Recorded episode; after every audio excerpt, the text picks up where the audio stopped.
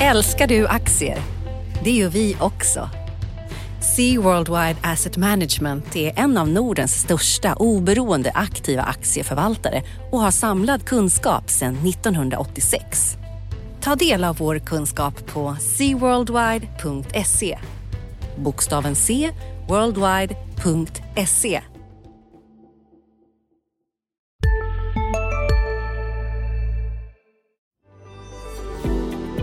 IG är en globalt ledande tradingmäklare och ett solklart komplement till ditt vanliga sparande och trading som du når enkelt via datorn eller mobilen. Via IGs pålitliga plattformar når du 17 000 marknader och kan därigenom investera globalt mot råvaror, krypto, index eller enskilda aktier. Ser du en möjlighet på marknaden? Ta vara på den möjligheten genom att ta en position med IG. Ladda ner IG-appen eller besök ig.com. Men kom ihåg att all handel med finansiella instrument innebär risker. IG.com. Analyspodden från Dagens Industri. Och välkommen till Analyspodden, Dagens Industris podd om börs och makro. Eh, jag heter Agneta Jönsson och med idag är kollegan Nils Åkesson. Hej Nils! Hej Agneta! Idag är det fredag igen och det är fredag den 2 september och klockan är 10. Eh, jag tänkte vi skulle prata om Magdalena Anderssons utspel här. Hon vill spendera en del av skattepengarna vi har bostadspriser som du har tittat på. Vi har bud på läkemedelsbolaget Sobi och sen lite nyheter om bankerna. Vad tror du om det Nils? Jo, men det tycker jag eh, låter som ett eh, bra upplägg. Vi kan ju konstatera att eh, vi har eh, ytterligare en eh, vecka med eh, stark börs. Vi, hade, vi avslutade augusti här som den tionde månaden eh, på raken med positiv börs. Det var första gången sedan 1988 noterade vår kollega Ulf eh, här, i veckan. Agneta, hur känns det här? Eh, september brukar dessutom vara en, en kalendermässigt dålig börsmånad. Blir det repris på det? Ja, vi, jag tror att det kan bli lite avvaktande i september. Sen har det ju gått fantastiskt bra i USA också. Där har det varit, i år varit den bästa börsstarten på ett år sedan 97. Eh, backar vi till det här då, 98, 99, så, eh, eller 88, 99, men då följde det med tre år av fastighetskris, finanskris och riktigt usel börs. Det hoppas vi att vi eh, slipper denna gången. Jag kan tänka mig att vi har ett scenario här att vi trots allt får lite stigande räntor här mot slutet av året. Eh, USA kommer troligtvis att börja med tapering.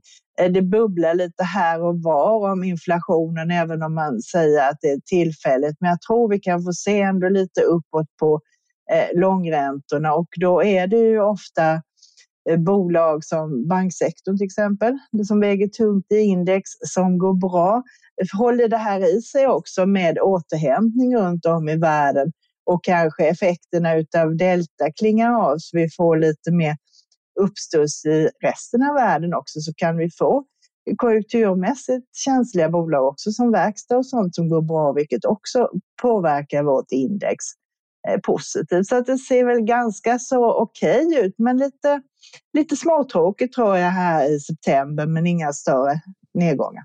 Mm man ska eh, köpa eventuella dippar, låter det som på dig. Ja, jag tror att väldigt många kommer göra det och så länge det funkar så är det ju en strategi som har varit väldigt bra i flera år nu.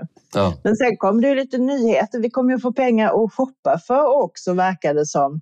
Åtminstone lite. Eh, Magdalena Andersson sa ju här i veckan att hon vill stimulera ekonomin med skattesänkningar. Man sänker skatten på a-kassa och sjukersättningar så det blir likställt med arbete. Eh, och det handlar där om ett par tusen lappar i månaden. För oss vanliga löntagare blir det kanske som mest 110 kronor i månaden plus att man får dra av avgiften till a-kassa så det blir någon, några tio till där. Eh, vad tycker du om det här? Är det en bra idé eller är det socialdemokratiskt valfläsk som portioneras ut nu?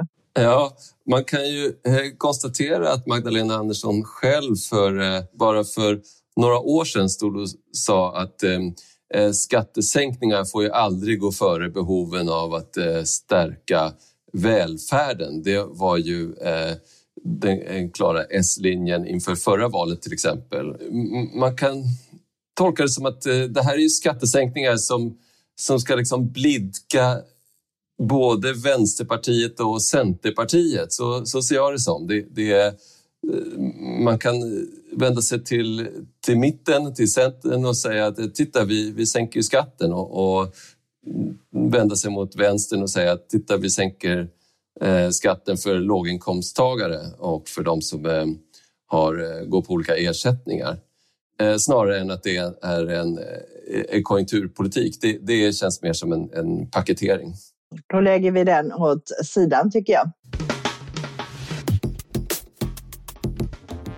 Du har också skrivit om det här med bostadspriserna som angår väldigt många av oss och eh, du har gjort en egen analys av det och sen har du sammanfattat vad storbankernas ekonomer tror om framtiden. Hur kommer det att gå framöver?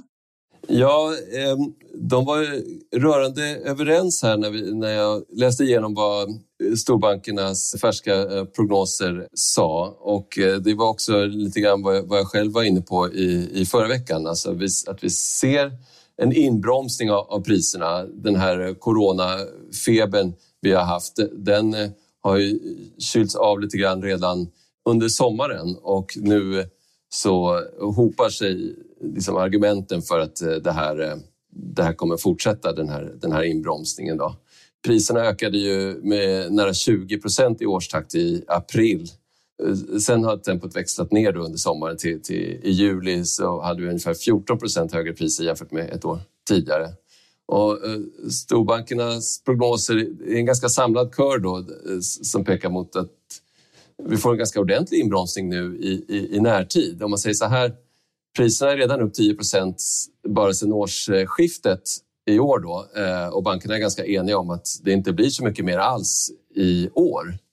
Det kan ju eh, eh, fortfarande diffa månad till månad här under andra halvåret men på sin höjd kanske några procentenheter till i år. Då. Och nästa år får vi ytterligare en inbromsning. Nordea till exempel, de tror på bara 2-3 procents prisökningar 2022. Varför då? då? Jo, nej men jag håller med om eh, deras förklaringsfaktorer eh, och Dels så kan vi ju se ett eh, historiskt mönster att perioder av de här riktigt heta prisökningarna, närmare 20 procent, de har varit eh, kortvariga.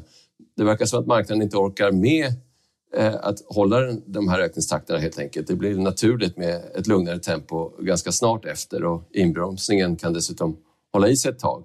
Men sen har vi de här coronaeffekterna då som har ökat lusten att flytta till större lägenheter och, och villor när vi jobbat och umgåtts och till och med semestrat mer i hemmet. Då. I takt med att vi, vi börjar resa bort igen och gå på bio och gå på krogen så, så tror i alla fall jag att, att den här hemmasittartrenden faller bort som drivkraft för bostadspriserna. Sen har vi då boräntorna, de har trots allt bottnats. De, de kan vara låga länge än men de, de kommer, det är inget talar för att de, de skulle bli lägre bostadsbyggandet eh, har tagit ordentlig fart igen och, och börjar påverka utbudet. Så att eh, stalltipset är då att eh, ganska ordentligt eh, stiltje eh, i höst och nästa år 5 procent uppåt. Alltså Swedbank som är mest offensiva, de tror på 10 procents prisökning nästa år. Då. Men eh, det blir eh, en helt annan temperatur än då vi har haft under, under pandemin helt enkelt. Ja, det, och sen kan man ju hålla utsikt på det här om man tittar på utbud på sånt på Hemnet och sånt. Det som brukar hända när det bromsar in är att eh, man lägger ut, får man inte bud tillräckligt snabbt så plockar man bort dem igen och det som du får då är att utbudet minskar en period innan man inser liksom att man måste nog sälja i alla fall och utbudet börjar öka igen och då börjar liksom priserna Eh, lite lägre. Så håll koll på det där med eh, hur mycket objekt som ligger ute. Mm.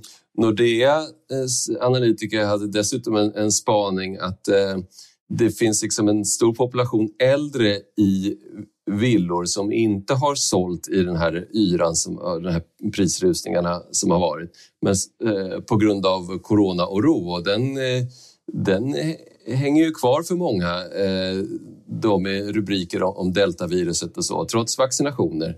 Så de kan väntas komma ut nästa vår då, och som en extra utbudseffekt, eh, alltså eh, uppdämda försäljningar eh, av villor som, eh, som ja, det blir en, en prispressande faktor. Då. Så den som vill flytta lite utåt landet kanske ska vänta då till framåt vårkanten? Ja, det är ett tips. Då ska vi hålla koll på det. Men du, eh, någonting som ligger dig nära om hjärtat, det är ju eh, eh, banksektorn. Och visst är det så att vi i veckan fick också ett annat utspel från Magdalena Andersson om en ny bankskatt. Ja, det, det stämmer. Det är ju inte första gången. Jag tror det är fjärde gången man försöker med det här nu de senaste åren. Eh, och innan har man försökt att eh, höja den här avsättningen till den här resolutionsfonden. Eh, men då åkte man på backning på det där för att då ville man inte fondera de här medlen utan de skulle in i statsbudgeten. Så det var lite förtäckt att eh, vanlig skatt egentligen i varje fall. Och eh, då diskuterades också om att EU skulle vara emot det här för så fick man inte göra. Så den åkte på pumpen och sen ville man eh, ta och beskatta personalen via arbetsgivare Eh, avgifterna och då kom det en massa utredningar som konstaterade att då skulle en massa människor få eh, lämna sektorn. Upp mot 5 000 jobb skulle försvinna och det är en sektor där man faktiskt försvinner en hel del jobb ändå på grund av digitaliseringen så att det blev ingenting med det där och sen körde de ju ett varv då när Nordea Eh, fick nog och vilket man då säger är en huvudanledning till att de eh, vad heter det, flyttade till eh, Finland. Eh, och eh, sedan så nu så har man försökt igen här och denna gången så kallar man det för riskskatt. Precis, för att förtydliga, de har presenterat det här som en riskskatt och det ska dra in 6 miljarder till statskassan. Eh, vad, vad, tycker du om, om eh, det här förslaget? Jag tycker att jag förstår att man vill försöka hitta ett sätt att skatta bankerna lite mer. För det som är grunden till det här det är ju egentligen att väldigt mycket banktjänster är inte moms, omfattas inte av momsen. Så att det påverkas jämfört med andra företag. Men kalla det för en riskskatt det är ju lite tokigt. För dels eh, så kommer det att träffa storbankerna och där är ju risken lägst. Eh, och sedan så är det även här då att det är ju inget som sätts åt sidan liksom för att användas om det går dåligt för bankerna, utan det är ju, åker ju rakt in i budgeten som allting annat. Så att eh, kalla det för en riskskatt, det är bara för att det ska låta eh, lite bättre här. Och Magdalena Andersson argumenterade faktiskt i våras att den största anledningen till det här är ju att bankerna har råd att tjäna mycket pengar. Så att det känns lite populistiskt och som sagt flera instanser har ju, har ju avrått från det här, bland annat Finansinspektionen. Så att eh, eh, jag hoppas att de backar på det här också, för trots allt så snedvrider det ju konkurrensen en del också jämfört med när utländska banker vill göra affärer här. Sen har vi lite andra banknyheter också. Eh, Nordea kom ju med i det här europeiska indexet, eh, bankindexet med 21 stora eh, europeiska eh, Eh, banker och där kommer de in den 20 september. Eh, och det kom, får vi, vi kan se nu här när det här beskedet kom i förrgår att det har varit stort köpintresse på Nordea och igår var det den bästa aktien på storbolagsindex. Så att det påverkar för det är flera aktörer som handlar enligt de här indexen i olika fonder och sånt där. Så det är en bra grej. Och sen har ju då Sampos inlåsning Eh, tagit slut i slutet av augusti här. Så att nu är det ju fritt fram för dem om de skulle vilja sälja de här resterande 12 procenten motsvarande ungefär 50 miljarder kronor som de har kvar i Nordea. Så det öppnar också lite intresse på eh, vad som kommer att hända där framöver. Och eh, sedan så alltså Nordea själva kom med en prognos och sänkte Danske Bank till en säljrekommendation. Eh, och Eh, de tror att det här målet som Danske Bank har med en avkastning på eget kapital på 9 till 10 procent eh, som egentligen skulle uppfyllas nästa år, att de förlänger bara det två år till, till 2025.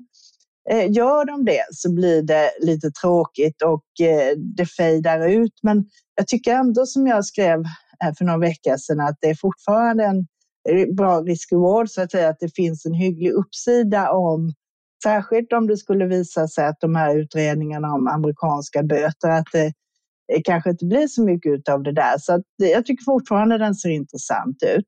Ja, eh, Nordea och danska aktier är eh, onekligen i, i, olika lägen här, men om man skulle kliva in i någon av de här eh, idag, eh, vad skulle du föredra då?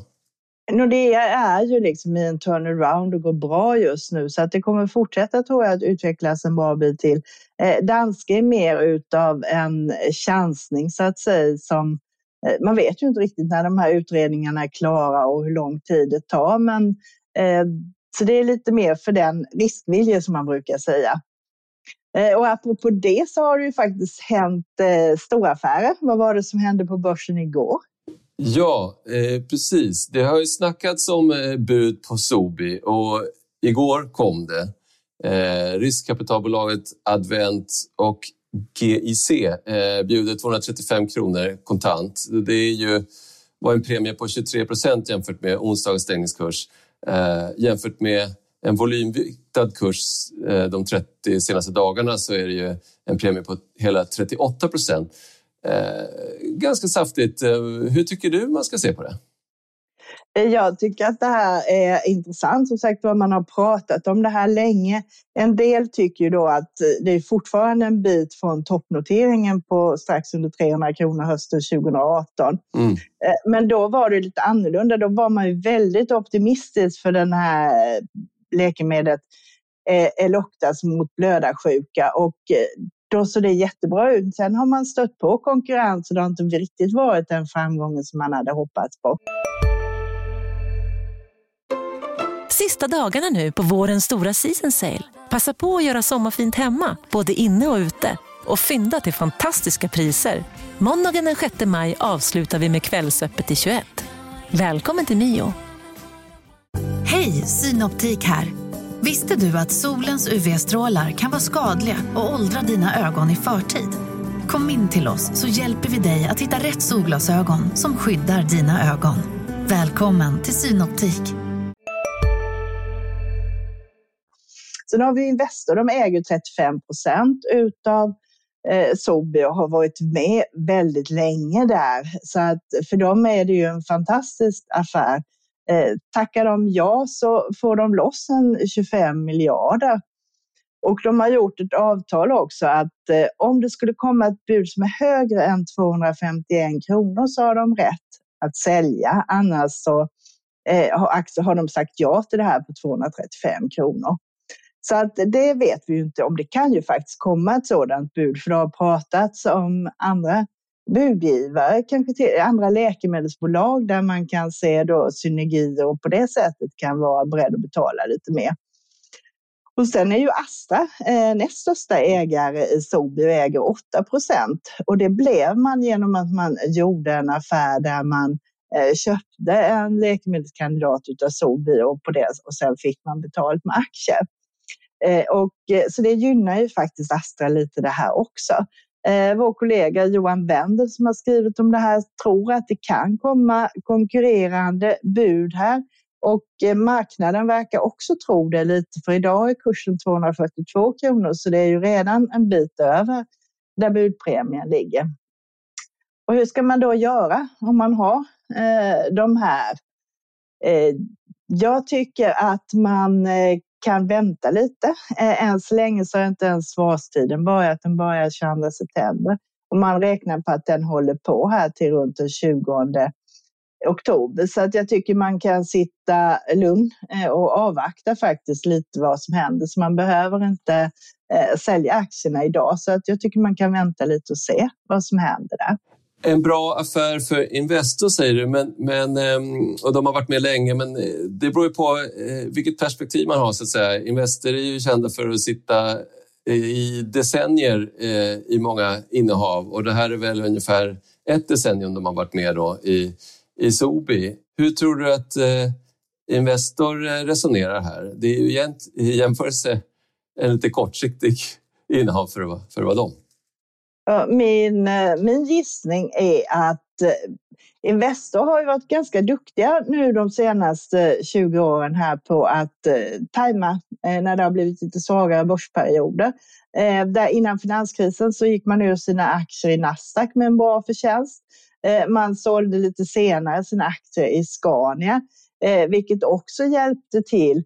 Så min gissning är att Investor vill ha lite krigskassa här Eh, vid halvårsskiftet så hade de en nettoskuld på 12 miljarder och det är en skuldsättningsgrad på 2 procent drygt. De har sagt att de kan vara upp mot 10. Men ligger det blir lite sämre tider här så kommer de ju bli helt skuldfria och till och med få en nettokassa om de gör den här affären. Så att jag tror att det är också ett argument till att man kanske gör det eh, just nu. Eh, ja, men det är då gå tillbaka lite till det vi pratade om inledningsvis då, så ska man eh, göra den här tolkningen så räknar Investor med en, en sämre börs då i, i antågande. Jag tror att man börjar bli lite försiktigare här. De har ju varit med länge i gamet också och jag menar det vet vi ju att eh, någon gång så kommer det ju här ta slut. Nu har det vi tio positiva månader på raken men, och det kanske blir 11 och 12 och 13 också men det kommer ju inte bli 100 månader så att säga, utan någon gång så kommer det att komma någon korrigering och lite liksom tycker jag det påminner om det här innan millenniekrisen. Då hade man samma resonemang liksom från maj 99 var det många som tyckte det började bli dyrt. Eh, vi hade den här Brummefonden Zenit som låg blankade en lång tid innan eh, millennieskiftet här. Men då fortsatte det och då var det ju Ericsson och Nokia och Tech och en del internetbolag som eh, drog det här och då hade vi samma, att det fortsatte och fortsatte och det höll ångan uppe ända till mars 2000 och sen fick vi en korrigering med besked då. Nu har vi ju det här med centralbankerna som eh, stimulerar väldigt kraftigt och lite annorlunda läge men jag tror ändå att man kan vara inne på lite på det här spåret att börsuppgångar brukar köra lite på övertid så att det brukar hålla på lite längre än vad man tror. Och det beror just på det här som du var inne på att man är så van att det här funkar att köpa på dipparna och det kommer det att göra ett bra tag ända tills det inte gör det längre. Vad har vi kvar att avhandla? Eh, makroveckan som gick var ju då en, ett huvudnummer var ju inköpschefsindex från industrin då. Och för svensk del så vek ju eh, det av lite grann eh, men är fortfarande på, på starkare nivåer. Det här handlar ju om framtidstron hos företagen. Och idag på fredagen så fick vi även tjänstesektorn och det, det var samma tendens där. Ehm, vi, toppnivåerna var ju för några månader sedan nu och vi har liksom eh, sett en, en lite svalare utveckling. Ehm, det man kan se när man gräver ner sig är ju att det, det är lite grann, man kan tolka det att det är på, på två fronter här som, som företagen nu eh, möter utmaningar. För dels har vi kanske sett då den, den kraftigaste rekylen, den här enorma medvinden då efter pandemin Eh, så att det börjar lugna ner sig lite grann. Det är fortfarande helt klart växande efterfrågan, men i, i lugnare takt. Samtidigt så då har vi de här långa leveranstiderna och problemen i, i, ja, i leverantörsledet. Det är komponentbrist och, och halvledarbrist för fordonsindustrin som, som eh, biter sig fast och, och gör sig påmind i, i nya former eh, och med, med, med fortsatt eh, kraft. Ehm, I USA fick vi ju faktiskt ett eh, motsvarande inköpschefsindex, då, ISM, som överraskade positivt. Det, det steg marginellt istället för att eh, backa ytterligare ett steg som, som var väntat. Eh, men ehm, vi hade också från Kina då, där, där det istället var, var sämre än väntat, där indexerna faktiskt indikerar krympande aktivitet och det ska ju ses då i, i ljuset av nya nedstängningar som vi har haft under, i samband med deltaviruset eh, och så. Det finns också ekonomer som påpekar att, att Kinas eh, PMI är eh, något av, av en förvarnare för, för den amerikanska utvecklingen. Så att, eh, även om det blev en positiv överraskning här i, i senaste mätningen så, så tror man ju på att det, ja, tendensen är vikande även i USA. Då.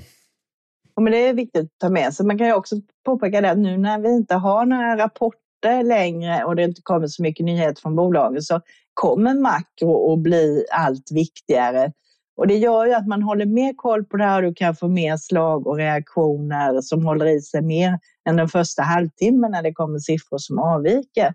Och på tal om det, så är, nu kommer kan man säga månadens viktigaste siffra i eftermiddag. Ja, Eh, det är då eh, den är en, en klassiker, de amerikanska jobbsiffrorna, eh, non-farm payrolls, som ju följer sysselsättningen och arbetslösheten i USA och ju som eh, centralbanken Fed har gång på gång betonat att det är det de tittar allra mest på för att bedöma utsikterna för hur de ska gå vidare med sin penningpolitik. Det här spelas ju in på fredag förmiddag och eh, 14.30 svensk tid idag så, så kommer den här statistiken. Förväntningarna ligger på 725 000 nya jobb. Det är då lite nedställ från eh, närmare en miljon som vi har fått då, eh, föregående eh, månader per månad här. Den stora frågan är då just hur, hur Fed kommer ta emot den här. Det är ju så att nu är liksom dåliga nyheter bra nyheter för marknaden så tillvida att blir det en besvikelse i den här jobbsiffran, kanske under 400 000 jobb, ett bakslag, då kan marknaden eh, hoppas på att, att Fed tar det lite lugnare med att gå vidare med nedtrappade stimulanser och, och blicka mot att strama åt eh, eh krisstöden. Eh, medan om den här siffran eh, om det förväntade 725 000 uppfylls eller det kanske blir närmare en miljon eh, även den här månaden, då är det ju eh, eh, grönt ljus för Fed att eh, fortsätta ta, ta kliven mot det här tapering, nedtrappade eh, stödköp av, av värdepapper. Och det kan ju vara något som eh, börsen eh, inte gillar. Nej, då kan vi få några punkter upp på räntesidan, men Å andra sidan lyfter det lite på bankerna, men vi kanske får lite ner eh, på Nasdaq om vi får det scenariet. Mm.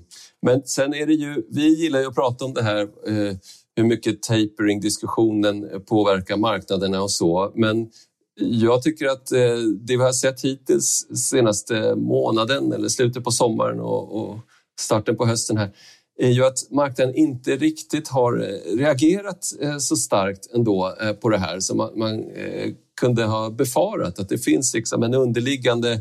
Det är det här du, du har tagit upp tidigare idag. Vi är fortfarande tidigt i cykeln, det är liksom rekordhöga vinster. Att, att tapering, det kanske inte blir en så, så jobbig motvind det här med tapering för, för marknaderna ändå. Men det är väl precis det Fed vill. Det är väl därför man snackar så mycket om det innan, för att mm. man liksom ska kunna smälta det i lugn och ro. Och sen är det ju så att börsen är ju faktiskt ganska kortsiktig. Saker som ska hända liksom i slutet av året börjar man inte riktigt bekymrar bekymra sig om än. Det kan bli kortsiktiga reaktioner, typ på en sån här siffra och det, om det händer någonting på räntesidan. Men man brukar inte mäkta med att ta in grejer Eh, fullt ut. Så att eh, jag tror tapering ligger ändå lite mer långt fram i tiden för att det ska liksom segla upp som ett stort problem i närtid. Mm, just det. Ja, precis. Huvudscenariot är ju att eh, den här nedtrappningen, tapering, eh, inleds då i, i december i år eh, då, och var avklarat någon gång framåt ja, halvårsskiftet eller framåt augusti eller så då ska man ha slutat stödköpa nya eh, värdepapper. Då. Just nu så köper man ju för 120 miljarder dollar i månaden. Det är enorma belopp som, som har tuggat på då ända sedan eh, våren i fjol när, när pandemikrisen var som mörkast.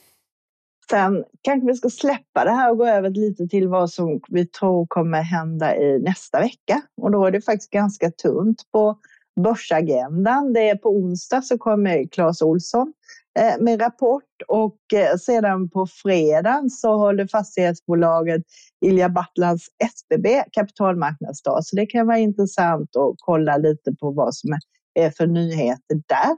Men det är lite mer grejer som du har att hålla koll på här på makrosidan. Ja, eh, på börssidan kan vi påminna också om att eh, USA-börserna är stängda på måndag. Eh, det är Labour Day, så då får de tagga ner lite där i New York. Men på makrosidan då så skulle jag ju säga att jag ser kanske mest fram emot torsdagen. Då är det nytt räntebesked från ECB. Även om det här ses som kanske lite av ett mellanmöte. Eh, men det är en fortsatt... Det är lite, eh, eller kanske eh, har blivit förstärkt lite knivigare än vanligt för Christine Lagarde. En balansgång mellan hökarna och duvorna i, i, i ECB. Det har blivit tydligare under sommaren, den här splittringen. Vi har traditionellt Tyskland då som eh, vill, gärna vill gå i, i eh, dra åt det stramare hållet. Eh, de pekar på att krispolitiken måste fasas ut nu och att återhämtningen är i full gång medan Duvorna då pekar på sin sida på att inflationsmålet för ECB det är ju, finns inte ens på, på radarn en varaktig inflation på 2 och, och dessutom att deltavarianten fortfarande kan stöka till återhämtningen i höst. Eh, det jag tror marknaden lyssnar framför allt efter då, det är signaler om förändringar av det här stödköpsprogrammet eh, PEP och det, det heter ju PEP för att det är en förkortning för Pandemic Emergency Purchase Program. Så det hör man ju på namnet att det kanske är dags att, att växla ner det nu. Så att eh, det, är, det är fokus på torsdag. På fredag skulle jag Eh, också vilja kasta mig över Ekonomistyrningsverket ESVs eh, nya budgetprognos. Sveriges återhämtning har ju fortsatt överraska positivt och vi har haft eh, uppreviderade prognoser från banker och, och, och, andra om hur, hur tillväxten och jobben utvecklas i år. Och det talas också för att statsfinanserna måste revideras upp ännu ett snäpp. Till exempel att staten inte behövt betala ut alla miljarder man avsatt till olika krisstöd och permitteringar och så. Så ett ännu starkare utgångsläge för Magdalena Anderssons höstbudget alltså. Ser man och eh, har ni inget annat att göra så finns det ju våra andra poddar att lyssna på. Vi har Digitalpodden Sen har vi Makrorådet som får höstpremiär nu i nästa vecka och de kör live på vårt event Uppstart Sverige som är 7-8 september. Eh, och det kan ni gå in på om ni vill för det är helt gratis och lyssna där. Det finns massor med talare med allt från Magdalena Andersson till Finansinspektionen och det är hållbarhet och det är väldigt mycket grejer där. Så det är bara att googla på Uppstart Sverige så hittar man det. Och just makrorådet körs då på onsdag 20 över 9 så att vill man vara först på bollen där så är det bara att koppla upp sig och eh, både se och höra dem eh, när de snackar här om vad som händer i ekonomin och annars kan man lyssna på det som vanligt som podd lite längre ja. fram. Ja, Uppstart Sverige kommer man kunna komma åt via sajten Dagens Industri eh, naturligtvis. Precis.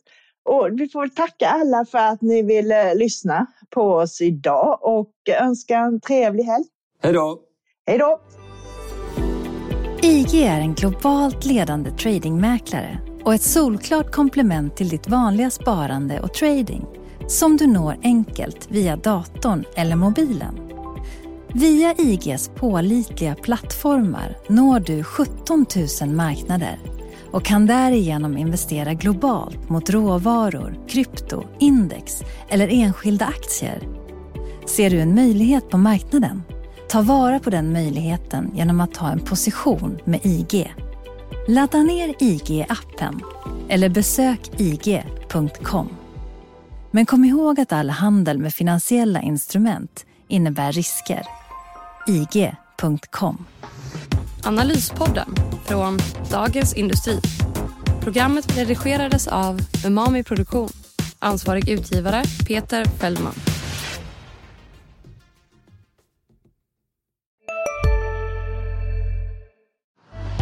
Älskar du aktier? Det gör vi också. Sea Worldwide Asset Management är en av Nordens största oberoende aktiva aktieförvaltare och har samlad kunskap sedan 1986. Ta del av vår kunskap på seaworldwide.se. Bokstaven C, worldwide.se